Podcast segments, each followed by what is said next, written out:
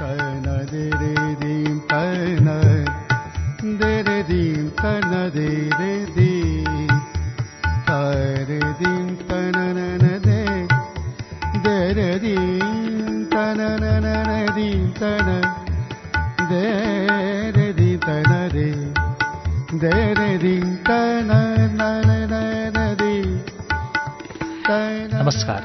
उज्यालो radio नेटवर्कको कार्यक्रम श्रुति सम्वेकबाट प्राविधिक साथी सशिन्द्र गौतमसँगै म अच्युत किमिरेको स्वागत छ।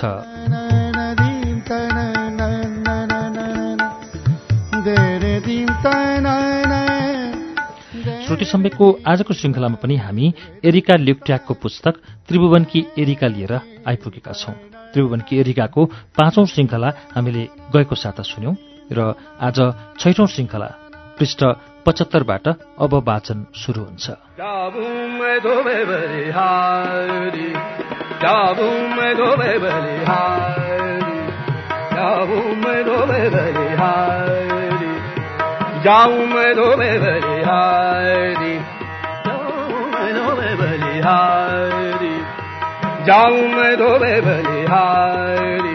नेपालमा मदिरा निषेध छ महोदया मणिरामले भने। मैले त्यो थाहा हुँदाहुँदै जनरलले सोधेको कारण मात्रै आफूले भनेको बताएँ। मणिराम चिन्तित हुँदै फर्के तर त्यही साँझ ब्रान्डीको र विस्कीको एक एक बोतल म कहाँ आइपुग्यो जसमा लेखिएको थियो major general Vijay Shamsher Jangbahadur Rana director general विदेश विभागको तर्फबाट शुभेच्छा सहित। त्यसको मुन्तिर विजयको घुमाउरो पश्चिमी शैलीको हस्तलिपिमा लेखिएको नोट थियो। ब्रान्डी र विस्कीका बोतलहरू छोटो समयको अन्तरालमा आउन थाल्यो। वास्तवमा मलाई चाहिए भन्दा बढी। जनरल विजयको तर्फबाट देखाइएको त्यो सहयोगी व्यवहारका पछाडि लुकेको कठोरपनको चाल पनि मैले छिट्टै पाएँ। एक बिहान डाक्टर सिद्धिमणी मका आए। मैले दिएको कागती पानी बिस्तारै पिउँदै साहस बटुलेर उनले मलाई सम्झाउन थाले। मैले प्रत्येक महिना सिंहदरबारमा रिपोर्ट दिनुपर्छ जसमा मैले बडा महारानीको स्वास्थ्य उनलाई गरिएको उपचार राजा लगायत राजपरिवारका सदस्यलाई मैले गरिरहेको उपचार इत्यादिका बारेमा विस्तृत उल्लेख हुनु जरुरी छ। दरबारमा मेरो समय अन्य तरिकाले व्यतीत हुने गरेको भए त्यसको विवरण समेत दिन पनि भनियो। मैले रिसाउँदै इन्कार गरेँ। मैले भने कि त्यस प्रकारको प्रतिवेदन दिने मेरो बानी छैन र व्यावसायिक आचरणका हिसाबले पनि त्यो गर्नु उचित हुन्न। महोदया उनले भने यो प्रधानमन्त्रीको आदेश हो। त्यो कुरा म बुझ्छु डाक्टर साहेब तर मलाई केही फरक पर्दैन।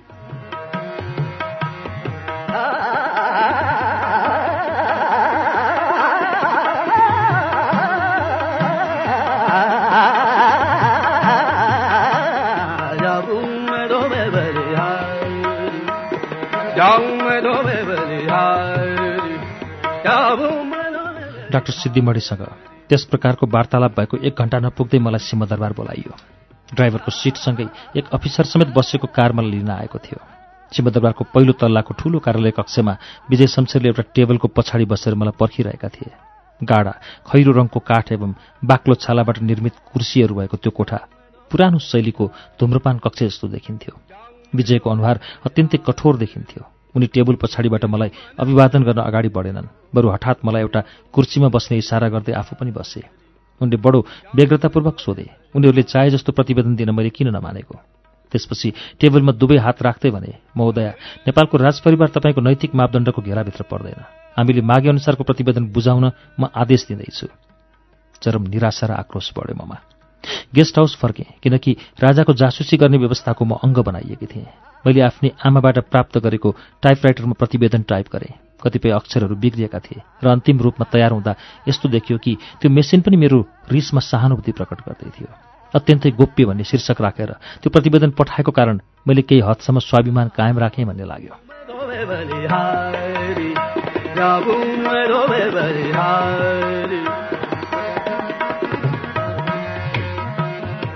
गरीब इच्छा पूरा कर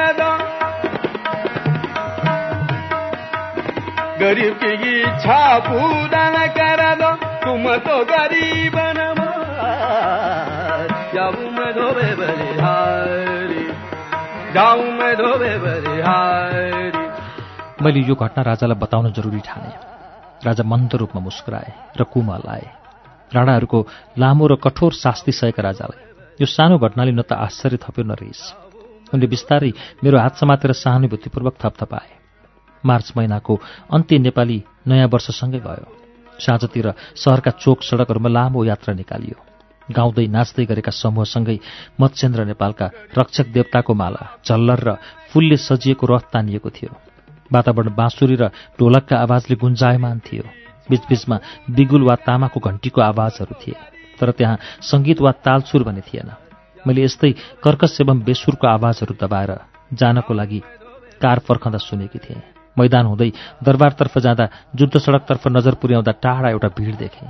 मसाल र त्यसको प्रकाशले सेता भित्ताहरू ढाकिएका थिए।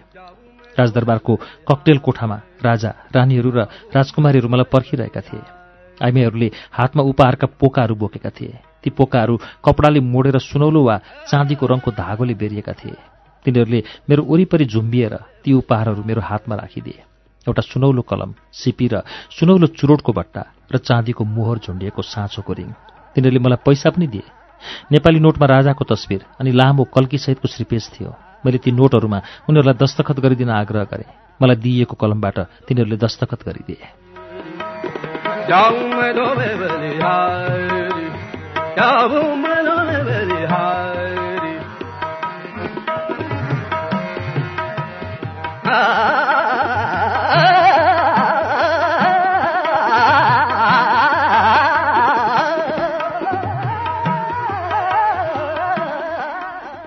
मैले महारानीहरू र राजकुमारीहरूलाई दुवै हात फैलाएर अँगालेँ। राजाले आफ्ना दुवै हात फैलाउँदै भने मलाई चाहिँ किन नगर्ने त? हामीले दायाँ र बायाँबाट एकअर्कालाई अङ्कमाल गऱ्यौँ औ राजाले भने यो दिन मेरो सेवकहरूका लागि पनि हो। तिमीलाई देखाउँछु। कपालमा आई अक्षरको हिरा लगाएकी सहित हामी ककटेल कोठामा ओर्ल्यौँ। हामी लामो करिडर पार गर्दै तारा लागेका ढोकाहरू सुनौलो साँचोले खोल्दै र बन्द गर्दै आँगनमा पुग्यौँ। मलाई फूल र फलफुलले भरिभराउ एउटा ठूलो टेबल देखाइयो। टेबलका वरिपरि राखिएका कुर्सीहरू चाहिँ युरोपियन शैलीका थिए। त्यहाँ सुसारेहरूले नयाँ वर्ष मनाउने व्यवस्था गरिएको थियो। राजाले निरीक्षण गरेर मेरो प्रशंसा सुनेपछि हामी पुनः ककटेल कोठामा फर्क्यौँ र नाच्न थाल्यौँ। मैले दरबार छोड्नुभन्दा पहिले राजाले मेरो हातमा एउटा अर्को उपहार राखिदिए। त्यसमा बगैँचाको एउटा ठूलो र सुन्दर फूल झुन्डाइएको थियो। मैले त्यो खोल्न पाइनँ र त्यो साँझभरि नै टेबलमा त्यत्तिकै रहिरह्यो। प्रत्येक पटक जब म त्यसलाई हेरेर राजालाई हेर्थेँ र दुवै हात जोडेर भन्थेँ सरकार नमस्कार। मलाई लाग्दैन कि राजा त्रिभुवनले जीवनमा कहिल्यै आँखा झिम्काए तर त्यो साँझ राजाको भाव देख्दा लाग्थ्यो कि उनले त्यसो गर्नै लागेका थिए।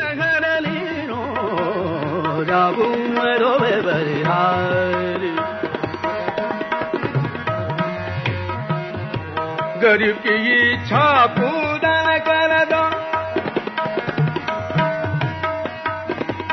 की इच्छा पूरा कर दो। तुम तो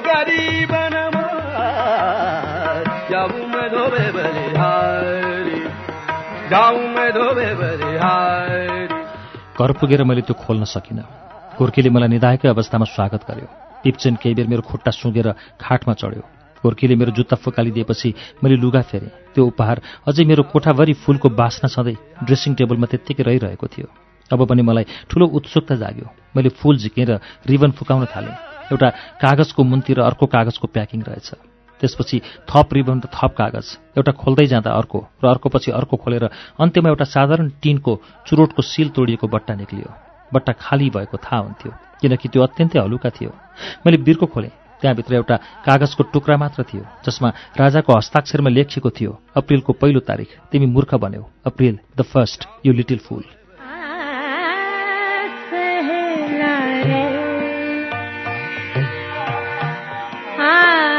सहेला रे मेरी गाय सहेला रे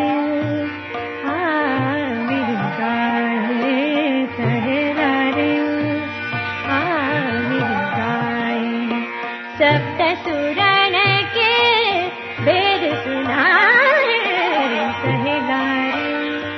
हरेक व्यक्तिले आफूले पुगेको मुलुकको सम्झनासँगै आफूले भेटेका मानिसहरूको सम्झना पनि सँगालेको हुन्छ। मानौ जमिन र त्यसका बासिन्दाहरू अविभाज्य छन्। नेपाल पनि मेरो लागि सधैँ राजपरिवार नै रह्यो। मेरो लागि नेपाल त्यसभन्दा फरक हुन सक्दैनथ्यो। म त्यो परिवारलाई माया गर्थेँ र त्यसै कारण म उनको मुलुकलाई पनि प्रेम गर्थेँ। मेरो नेपाल बसाइको अन्त्यसम्म मैले काठमाडौँ उपत्यकाको कुना काप्चा यतिसम्म चाहेँ कि त्यहाँको न्यानोपन त्यहाँको सुगन्ध र त्यहाँको रङ्गबिरङ्गका बारेमा राजालाई भन्दा बढी मलाई थाहा भइसकेको थियो। म राजालाई बताउँथेँ कि म कहाँ कहाँ पुगेँ भनेर। उनी मेरा कुरालाई ध्यान दिएर बिल्कुलै अनभिज्ञ मानिसले झैँ सुन्दथे कतिपय अवस्थामा उनी अनभिज्ञ नै थिए भन्ने मलाई पुरा विश्वास छ। दुई महान धर्महरू हिन्दू र बौद्धको मुटुको रूपमा रहेको नेपालभन्दा पवित्र भूमि अन्यत्र कतै हुनै सक्दैन। जंगलको बीचको डाँडा काँडादेखि र साँगुरो सडकमा उभिएका ती मन्दिरहरूले त्यही दर्शाउँथे। यो मुलुकको इतिहास र धार्मिक कथाहरू रोचक तर अवर्णनीय थिए। त्यहाँका काल्पनिक कथाहरूका पूरकका रूपमा तथ्य रहेका हुन्थे र मञ्जुश्रीको कथा भौगोलिक दुर्घटनाको तर्कभन्दा बढी प्रामाणिक र पत्यारिलो लाग्दथ्यो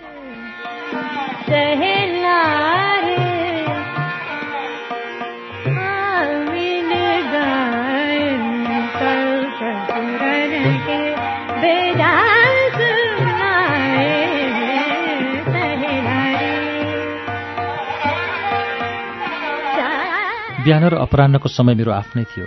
म कार ल्याउन भन्थे। ड्राइभर अङ्गरक्षक र घोर्की अगाडि बस्थे भने पिप्चेन पछाडि मसँगै अनि म घुम्न निस्कन्थेँ। तर पनि मलाई कहाँ जाने र के गर्ने भन्ने थाहा चाहिँ थिएन।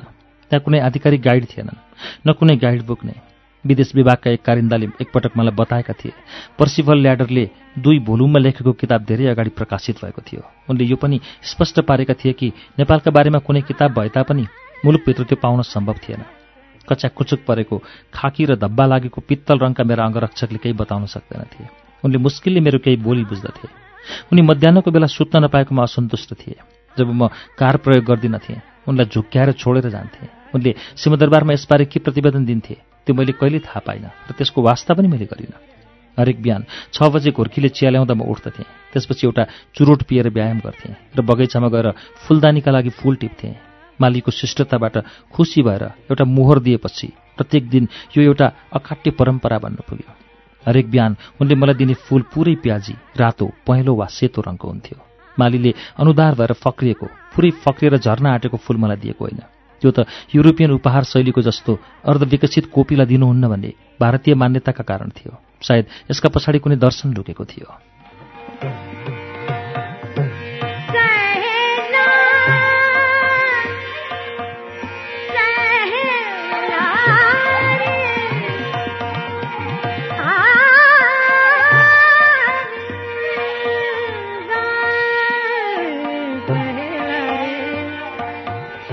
प्रत्येक बिहान उपत्यकाले मलाई उन्मुक्त बनेर आकर्षित गर्थ्यो। नदी किनारको सुन्दर उब्जाउ जमिन धानका खेतमा पर्ने छाया डाँडाका काखमा फैलिएको घना रुखका जंगल र त्यसभन्दा पर निलो तुवालोले छुट्याएको उत्तर पूर्वको दिशामा सगरमाथा श्रृङ्खला र उत्तर पश्चिममा अन्नपूर्ण छुट्याउन नसकिने हिमशिखरहरू साँच्चै नै आकर्षक थिए। काठमाडौँको हावा सधैँ नै स्वच्छ र सफा हुन्थ्यो। बागमतीमा मिसिन माथिबाट हुर्रिँदै आएका साना खोला नाला चाहिँ काठमाडौँको आकाशमा सधैँ बादल देखिन्थ्यो जसका कारण सेतो र निलो रङको सम्मिश्रण देखिन्थ्यो। नेपालीहरूको मान्यता अनुसार उनीहरूको माटोको प्रत्येक कण पवित्र थियो किनकि प्रत्येक डाँठ ढुङ्गा वा पातमा पनि ईश्वरको वरदान थियो। हिन्दू तथा बौद्ध मन्दिरहरू विभिन्न आकारमा बनेका थिए। सूर्योदयको समयमा ती मन्दिरहरू एकाएक भर्खरै बालिएको आगो झैँ चम्किएको म देख्थेँ। दिनभरि मन्दिरका घन्टीहरू बजिरहन्थे र त्यहाँ आउने जाने मानिसहरू खाली कहिल्यै हुँदैनथ्यो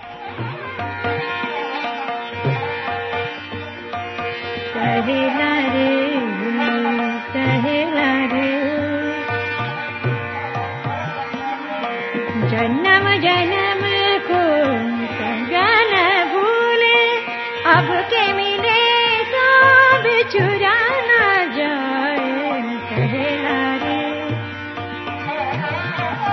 यौनको प्रतीक लिङ्ग र उपत्यकाको प्राकृतिक उर्वरताको प्रतिनिधित्व गर्दथे। पहिले त यो कुरा सुन्दा अनौठो लाग्ला तर यसको अर्थ बुझेपछि भने खुलस्त हुन्छ।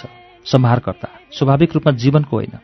शिवको प्रतीक चिन्ह पुरुषको लिङ्ग महिलाको योनि वा कमलबाट हठात उठेको देखिन्थ्यो। यसमा अश्लीलता होइन बढी धार्मिक महत्त्व लुकेको छ। यो चिन्ह जहाँ तहीँ ढुङ्गा तामा पित्तल सुन वा काठमा कुदिएको हुन्थ्यो। मानव जीवनको प्रारम्भिक चिन्ह थियो त्यो र सायद हिन्दू धर्मको प्राचीनता यसैबाट छर्लङ्ग हुन्छ। मैले यो चिन्ह मन्दिरका खुड्किलाहरूमा ढोकाहरूमा फूल अक्षताले ढाकिएर रहने ढुङ्गाहरूमा देखेँ। यो चिन्हप्रति पछि त मैले ध्यान दिनै छडेँ।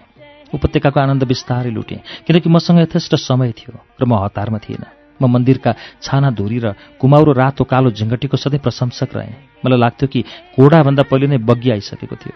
मेरो विचारमा नेवार कालीगढहरूलाई प्यागोडा शैलीको छाना डिजाइन गर्ने प्रेरणा शताब्दी पहिलेको चिनिया प्रभाव हो। खास कुरा चाहिँ नेपालको भूमि हुँदै लडाईँ गर्ने हिँडेका कुब्ला खानले नेपालको छानाको शैली देखेर त्यो चिनमा पुऱ्याए। कमसेकम नेपालीहरू चाहिँ यसै भन्दछन् प्रत्येक बिहान झ्यालबाट म सानो ढुङ्गाको बुद्धलाई देख्दथेँ। यसले मेरो घरबाट दुष्टात्मा हटाउन मद्दत गर्ने विश्वास गरिन्थ्यो। त्यसभन्दा पर देख्दथे प्याजी रङको इँटाको र सेतो प्लास्टर भएको घरहरू बाक्लिँदै गएर काठमाडौँको मूल सहरमा मिसिएको नाङ्गै खुट्टा काँधमा पकाउने भाँडा र हातमा काठका फ्ल्याग बोकेका तीर्थयात्रीहरू देख्थे। यो यात्रा भारतीय महाद्वीप सिलोन वा जापानसम्म पुग्थ्यो।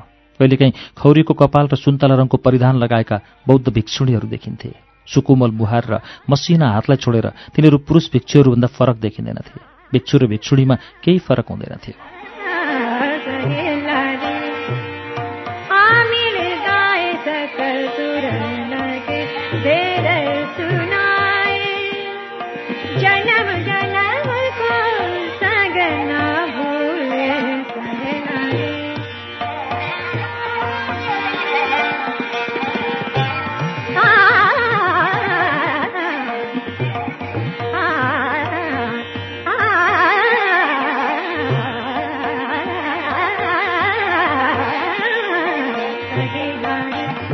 म त्रिपुरेश्वरबाट बागमती नदीतर्फ हिँडेर जान्थेँ।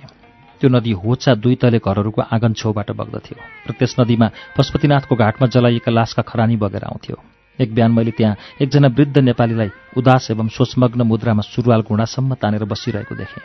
बागमतीको पानीले उनको पिँडौलालाई छुँदै बगिरहेको थियो भने उनको मुहार चाहिँ कालो छाताले छोपेको थियो।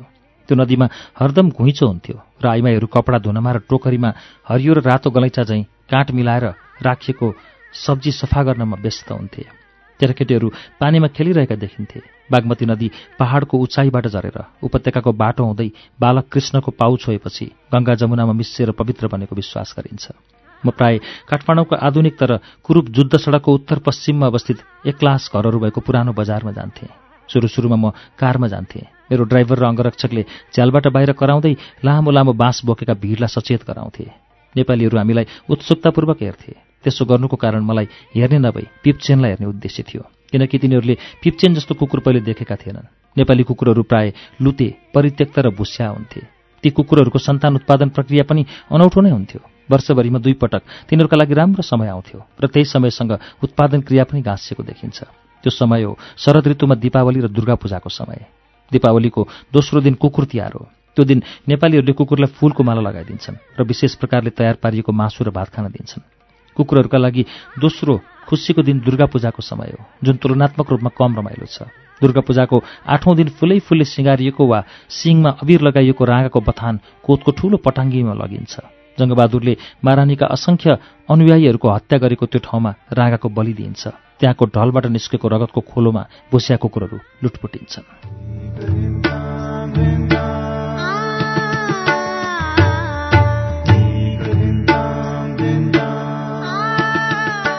श्रुति सम्वेकमा अहिले हामी एरिका ल्युट्याकको पुस्तक त्रिभुवनकी एरिकाको वाचन सुनिरहेका छौं। यसलाई नेपालीमा सरोज मिश्रले अनुवाद गर्नुभएको हो। यसको बाँकी अंश लिएर केही बेरमा आउनेछौं। उज्यालो सुन्दै गर्नुहोला।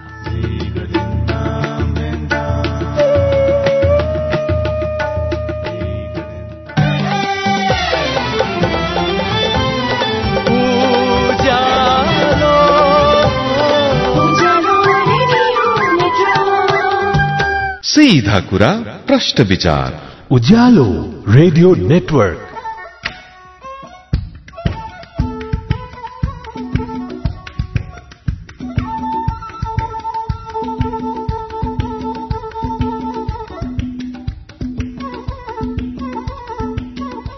कार्यक्रम श्रुति सम्वेकमा तपाईँलाई फेरि स्वागत छ। श्रुति सम्वेक तपाईँ उज्यालो रेडियो नेटवर्क काठमाडौँमा नब्बे मेगाहरूसँगै देशभरिका विभिन्न रेडियो स्टेशनबाट एकैसाथ सुनिरहनु भएको छ। श्रुति सम्वेकमा हामी एरिका ल्युक्ट्याकको ऐतिहासिक पुस्तक त्रिभुवनकी एरिका वाचन गरिरहेका छौं। यसलाई नेपालीमा सरोज मिश्रले अनुवाद गर्नुभएको छ। यसको बाँकी अंश वाचन अब सुनौ।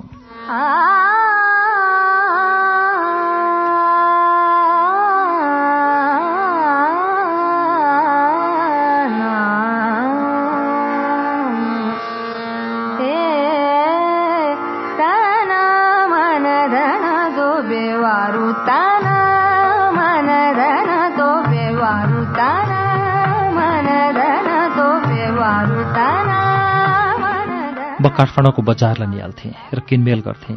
तर अधिकांश म निहाल्थेँ मात्र। ठूलो मध्य बजार मैदानको पश्चिमतिर पर्दछ। जुद्ध सडकको पुछारमा पर्ने त्यो बुजार पुग्न म दुई सय फिट अग्लो खम्बा जसलाई भीमसेन स्तम्भ भन्छन् त्यो हुँदै जान्थेँ। यो स्तम्भ शताब्दीौँ पहिले आफ्नो नाम र सम्झना अमर राख्न चाहने एक प्रधानमन्त्रीले निर्माण गरेका थिए। उनले त्यो स्तम्भको टुप्पोबाट घोडा चढेर हाम फालेका थिए अरे किंवदन्ती अनुसार उनी बाँचे तर घोडा भने बाँचेन अरे अहिले भने त्यो स्तम्भको मसिनो छायाले मैदानको घाँसमा सबै समयको सूचना दिन्थ्यो। मैले कहिल्यै अन्दाज गर्न सकिनँ कि मध्य बजारमा मैले के देख्नेछु।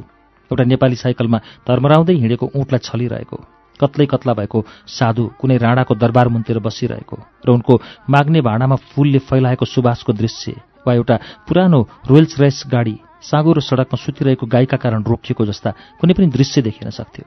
बजारको चोकमा टायर र ट्युब झुन्डाइएका साइकल पसलहरू देखिन्थे। त्यहाँ धेरै युरोपियन सामान पाइन्थ्यो प्रायः सबै काम नलाग्ने र सस्ता हुन्थे। तर एक दिन भने मैले त्यहाँ स्पेनिस गोयाको माजा लेभल भएको कालो कागजमा मोडिएको तीनवटा माजा नुहाउने साबुन भेटेँ। मैले त्यो किनेर राजा र रानीहरूको लागि खुसी हुँदै लगेँ। राजा र रानीले त्यो साबुन आफ्नो बाथरुमको दराजमा गर्भसाथ राखे र मैले काठमाडौँ छोड्ने बेलासम्म पनि ती त्यहीँ थिए। बजार एउटा ठूलो चोक थियो जसको वरिपरि असङ्ख्य गल्लीहरू थिए रङ्गीन गलैँचाका वरिपरिका धर्का जस्ता। बजार प्लास्टरका मुनतिरका इट्टा देखिने पुराना घरहरूले भरिएको थियो। ती घरहरूमा प्राचीन काठका कुदिएका बुट्टाहरू हुन्थे। मैले काठमा कुदिएका काम उत्तेजनाले ग्रस्त र लिप्त आकृतिहरू पनि देखेँ। पसलहरू खुला सेता र गुलाफी भित्ताका बीचमा काला पाल जस्ता देखिन्थे। पसलेहरू बाहिर घाममा बसेका हुन्थे। तिनीहरू पलेटी मारेर चामलका थुप्रो हरिया र राता खुर्सानीका डङ्गुर खैरो अण्डाका खाट र सुन्तला र केराका थुप्रोका पछाडि बसेका देखिन्थे। कुनै कुनै पसलहरूमा सिसाहरूको लामो लहर देखिन्थ्यो जसमा च्यापच्याप हुने अङ्ग्रेजी मिठाईहरू राखिएको हुन्थे। कुखुरा हाँस बाख्रा र पवित्र गाईहरू स्वच्छन्द रूपमा सर्राफीका टेबलहरूको छेउछाउमा विचरण गर्दथे। प्राय सर्राफीहरू पुक्क गाला भएका इज्जतदार वृद्ध हुने भेटिन्थे। तिनका औँलाहरू निरन्तर चाँदी र तामाका सिक्काका काठ मिलाउनमा व्यस्त रहन्थे।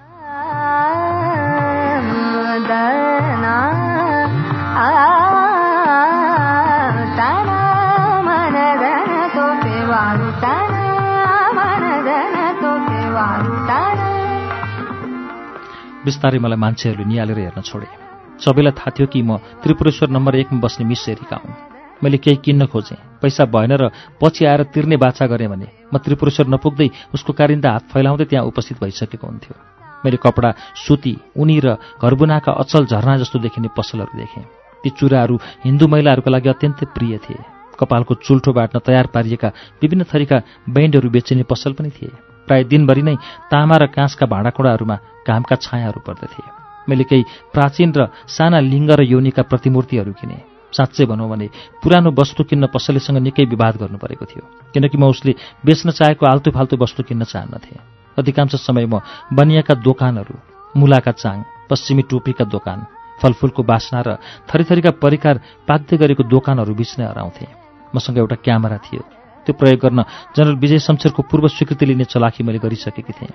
त्यो क्यामेरा त्यति राम्रो थिएन। जब राजा त्रिभुवनले मलाई शाही बगैँचाको फोटो लिन स्वीकृति दिए तब मैले त्यो क्यामेरा राजालाई देखाएँ। त्यो देखेर उनी हाँसेर मलाई महँगो कोडा क्यामेरा दिँदै मेरो पुरानो क्यामेरा फालिदिने सल्लाह दिए। राजाले आफ्ना बडा महारानीहरू र राजकुमारीहरूको फोटो खिच्ने स्वीकृति भने कहिल्यै दिएनन्। शाही परिवारको फोटो उनी आफै खिच्न चाहन्थे र यस प्रकारको अरू कसैको प्रयास उनलाई सह्य हुँदैन थियो।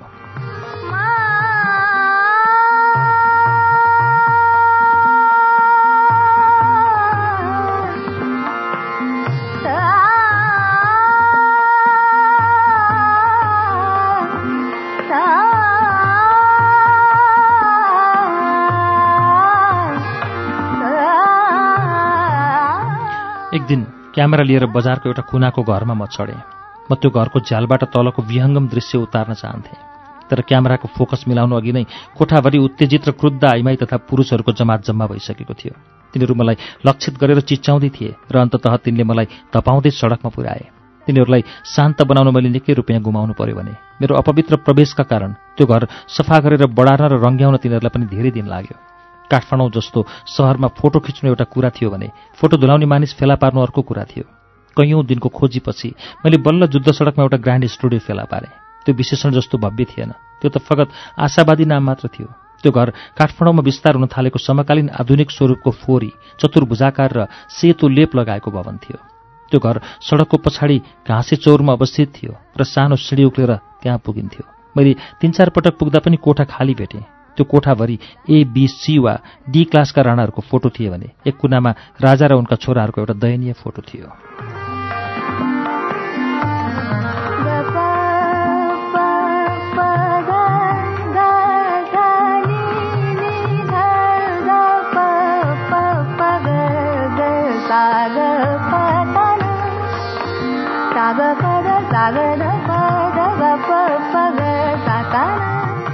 चौथो पटक। त्यस ठाउँमा पुग्दा ठिकठिकै अङ्ग्रेजी बोल्ने एउटा नेपालीलाई स्टुडियोको बाहिर भेटेँ। उसैको सल्लाह अनुसार बाहिर भर्याङ चढेर अर्को कोठामा पुग्दा मैले स्टुडियो मालिकलाई भेटेँ। एउटी छोटो कपाल भएकी पश्चिमी महिलालाई देखेर उनी त्यति विस्मित नभएको मैले अनुभव गरेँ। मेरो फिल्म धोइदिन राजी भयो उनी। मैले उनलाई आफ्नो सोरुममा महाराज श्री तिनको फोटोसँगै श्री पाँचको फोटो किन नराखेको भन्ने प्रश्न गरेँ। उनी मुस्कुराए मात्र। सम्भवतः उनलाई अङ्ग्रेजीले धोका दियो।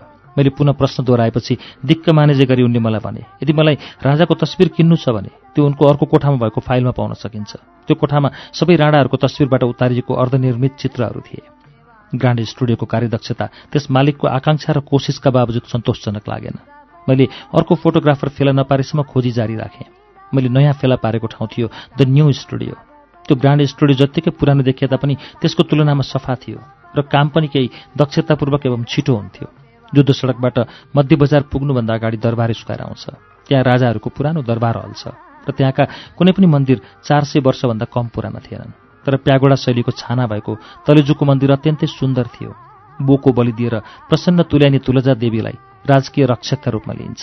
मलाई बताइए अनुसार वर्षको एकपटक खोलिँदा उक्त मन्दिरमा शाही परिवारका महिलाहरू लाम लागेर आउँछन्। एकपटक राजा त्रिभुवनका पुर्खा पृथ्वीनारायण शाहले मन्दिर प्रवेश गरेर नरबली दिए बाहेक कहिले त्यहाँ पुरुषहरू बसेका छैनन्। तुलजा देवी उनको सपनामा आएर चेतावनी दिइन् र शरीरमा जुम्राले कष्ट दिने श्राप दिइन्। त्यो घटनापछि त्यहाँ नरबली दिइएको छैन।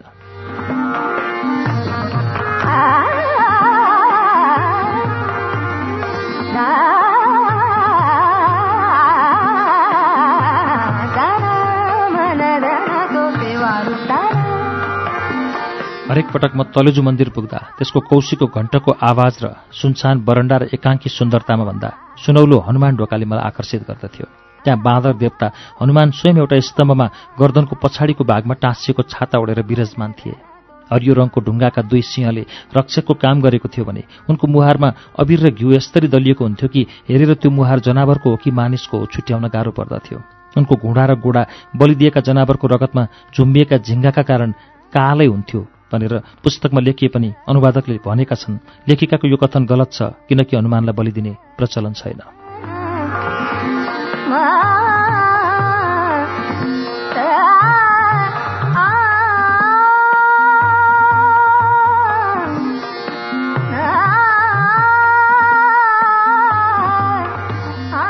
हनुमानलाई पहिलोपटक देख्दा डरलाग्दो लाग्यो तापनि।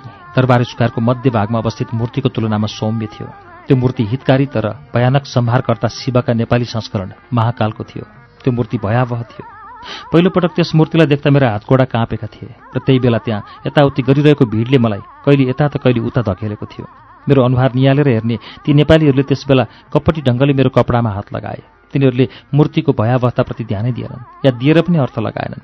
यो महाङ्काल मूर्ति सुन्तला रङ रातो र कालो पत्थरको चालिस फिट अग्लो विशाल काय सिर्जना थियो। यस्तो लाग्दथ्यो कि त्यो मूर्ति आफ्नै छायासँग घुम्छ। त्यसका छ हातहरूमध्ये एउटा हातमा वायु आकाश र पृथ्वीलाई दर्शाउने त्रिशूल थियो। अर्को हातमा मसाल थियो भने अर्को हातको मुद्रा हेर्दा लाग्थ्यो कि त्यो हात क्रोधका कारण छातीमा बजारिएको छ। उनको भयङ्कर मुहारबाट सेतो किनारा भएका आँखा बाहिर निक्लेको प्रतीत हुन्थ्यो।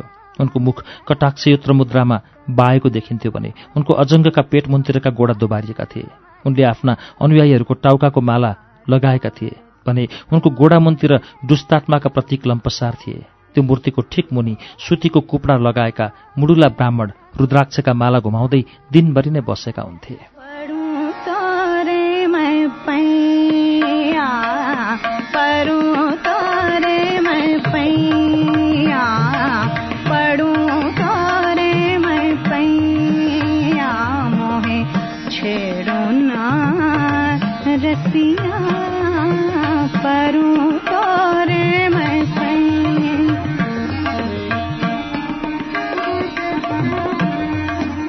महाङ्कालको भयावह मूर्तिबाट नजर हटाएर दरबार स्क्वायरको सुदूर कुनामा अवस्थित पिपलको रुखतिर हेर्दा त्यसको सौम्यताले मनलाई शान्त पार्दथ्यो।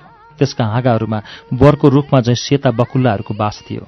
तर मेरो लागि चाहिँ दरबार स्क्वायर भन्ने बित्तिकै दरबार हलको पछाडिपट्टिको हनुमान ढोकाको भित्रीपट्टि रहेको शान्त चोक नै थियो।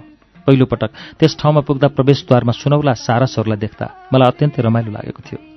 मैले त्यो ढोकालाई अझै गहिरिएर निहालेँ र त्यहाँका बुट्टाहरूमा असङ्ख्य अजिङ्गर चिल र सिंह जस्ता जनावरहरूका अनौठा आकृतिहरू पाएँ मलाई बताइयो कि ती सुन्दर झ्यालभित्रका कोठाहरूमा कुनै बेला उमेर पुगेका राजपरिवारका टाढाका सदस्यहरू बस्दथे। सम्भवतः आज पनि त्यसो नै होला तर मैले त्यहाँ कुनै स्त्री वा पुरुषलाई भने देखिनँ। एक दिन त्यहाँ पुगेर ढोका खोलेकी के थिएँ? एउटा सेतामै फुलेका नेपालीले हात हल्लाउँदै मलाई धकेलेर बाहिर पठाउने कोसिस गरे। ठुलो अनुनय विनय याचना र केही रकम दिएपछि अन्तत उनले मलाई एक क्षणको लागि चोकमा शान्त रूपमा उभिएर ती गजुरभन्दा माथिको आकाशलाई निहाल्ने अनुमति दिए।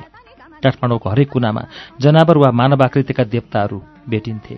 महिला तथा पुरुषले किनमेल गर्दा गर्दै ठट्टा गर्दा गर्दै वा वार्ता गर्दा गर्दै पनि फर्केर ती देवताहरूलाई पूजा अभिवादन गर्दथे। पंक्षी देवता गरुडको मूर्ति थियो जसको घाँटी वरिपरि असङ्ख्य सर्प थिए र जसको पखेटा पछाडिपट्टि फर्केको थियो।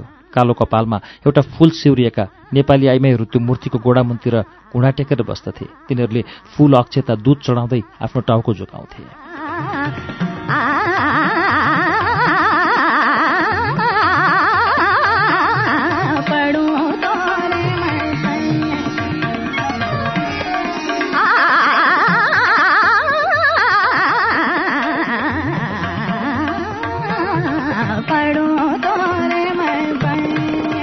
हात्तीको टाउको भएको गणेशलाई केटाकेटीहरूका रक्षक मानिन्थ्यो।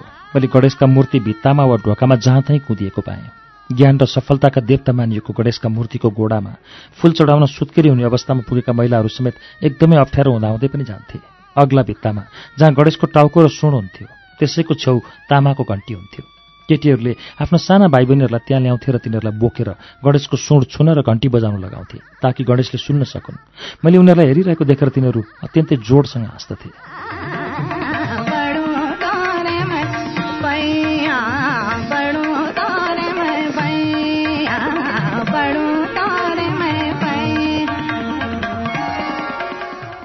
मैले काठमाडौँमा नजिकका बगिनी सहरहरू पाटन र बादगाउँको पनि भ्रमण गरेँ। यी सहरहरूमा पृथ्वीनारायण शाहले विजय हासिल गर्नुअघि नेवारहरूको सम्पूर्ण आधिपत्य थियो। उपत्यकाका नेवारहरूका लागि सत्रौं शताब्दी अघि ढुङ्गा इँटा काँस र सुनद्वारा निर्मित पाटन सहर अझै राजधानी थियो। अहिले पाटन मृत सहर भइसकेको छ। पाटन यदि जीवित छ भने ढुङ्गामा रहेको इतिहास र मन्दिरका घण्टाहरूको आवाज मात्र छ। बुद्धमार्गीहरूका लागि यो सहरको झनै महत्व थियो। ईसाभन्दा तीन सय वर्ष पहिले बोधिसत्वको जन्मस्थानको तीर्थयात्राका लागि भारतका सम्राट अशोक यहाँ आएर बौद्ध मार्गी बनेका थिए। उनले सहरको चार कुनामा वज्रका चार स्तूप निर्माण गरेका थिए। कुनै बेला दुध जस्ता सेता ती स्तूपहरू अहिले नाङ्गो इँटा र त्यसका उम्रेका झारपातका कारण राता र हरिया भइसकेका छन्। कि सबै स्तूपका इँटामा सुनौला गजुर भने थिए। पाटनमा जति घण्टा मैले बिताएँ त्यो अवधिभरि नै घन्टी झल्लर र बाँसुरीका वादन र आवाजहरू सुनिरहे। सहरको वरिपरि रहेको हरिया मैदानहरू पुग्दा मात्र त्यो आवाज मधुरो भएका थिए। पाटनको मुख्य चोकको वरिपरि रहेका साना साना गल्लीहरू घाममा मधुरो देखिन्थे। ती गल्लीहरू साना चोकहरूमा पुग्दथे जहाँ तामा र सुनका ढोका भएका मन्दिरहरू हुन्थे त्यहाँ केसरी वस्त्रधारी व्यक्तिहरू देखिन्थे तिनीहरूलाई धुलोले यति ढाकेको हुन्थ्यो कि झट्ट हेर्दा तिनीहरू धुलाले नै बनेको जस्ता देखिन्थे म अशोकद्वारा निर्मित सुनसान स्तूपहरू हेर्न पटक पटक पुगेँ ती स्तूपका बीचमा अवस्थित गजुर हिन्दूहरूका लागि लिङ्गको अर्को रूप थियो भने बौद्ध मार्गीहरूका लागि एक आत्मा सर्वोच्च ईश्वर ब्रह्माण्डका सृष्टिकर्ता एवं पालनकर्ताको पवित्र ज्योति थियो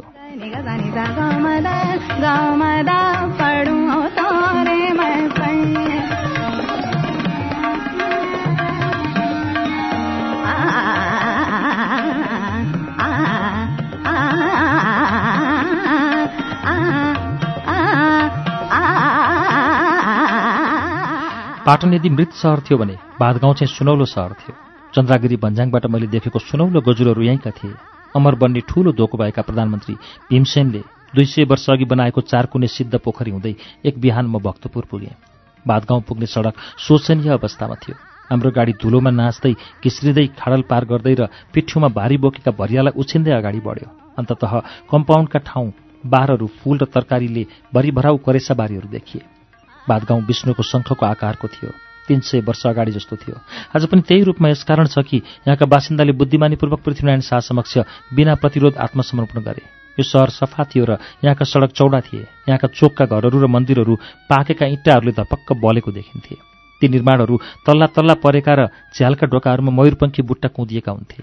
मध्य दरबार स्क्वायरमा मलाई लाग्यो कि सयौं सुनौला छानाहरू छन्। प्रत्येक खम्बामा लिङ्ग र योनिका आकृति छन् र त्यस्ता सहस्र खम्बा छन्।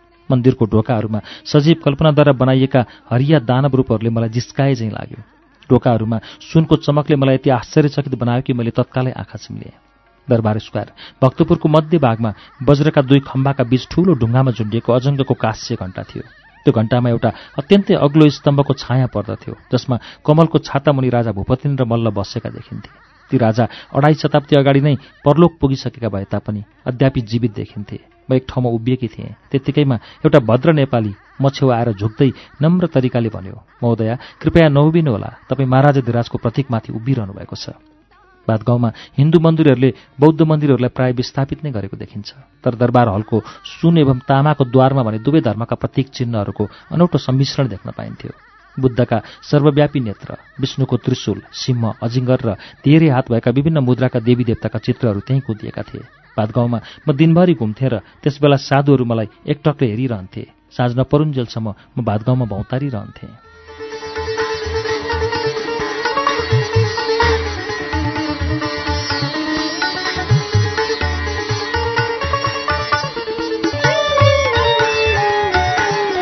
श्रुति सम्वेगमा एरिका ल्युक्ट्याकको पुस्तक त्रिभुवनकी एरिकाको छैठौं श्रृङ्खला आज हामीले पृष्ठ अठासीमा ल्याएर रोकेका छौं।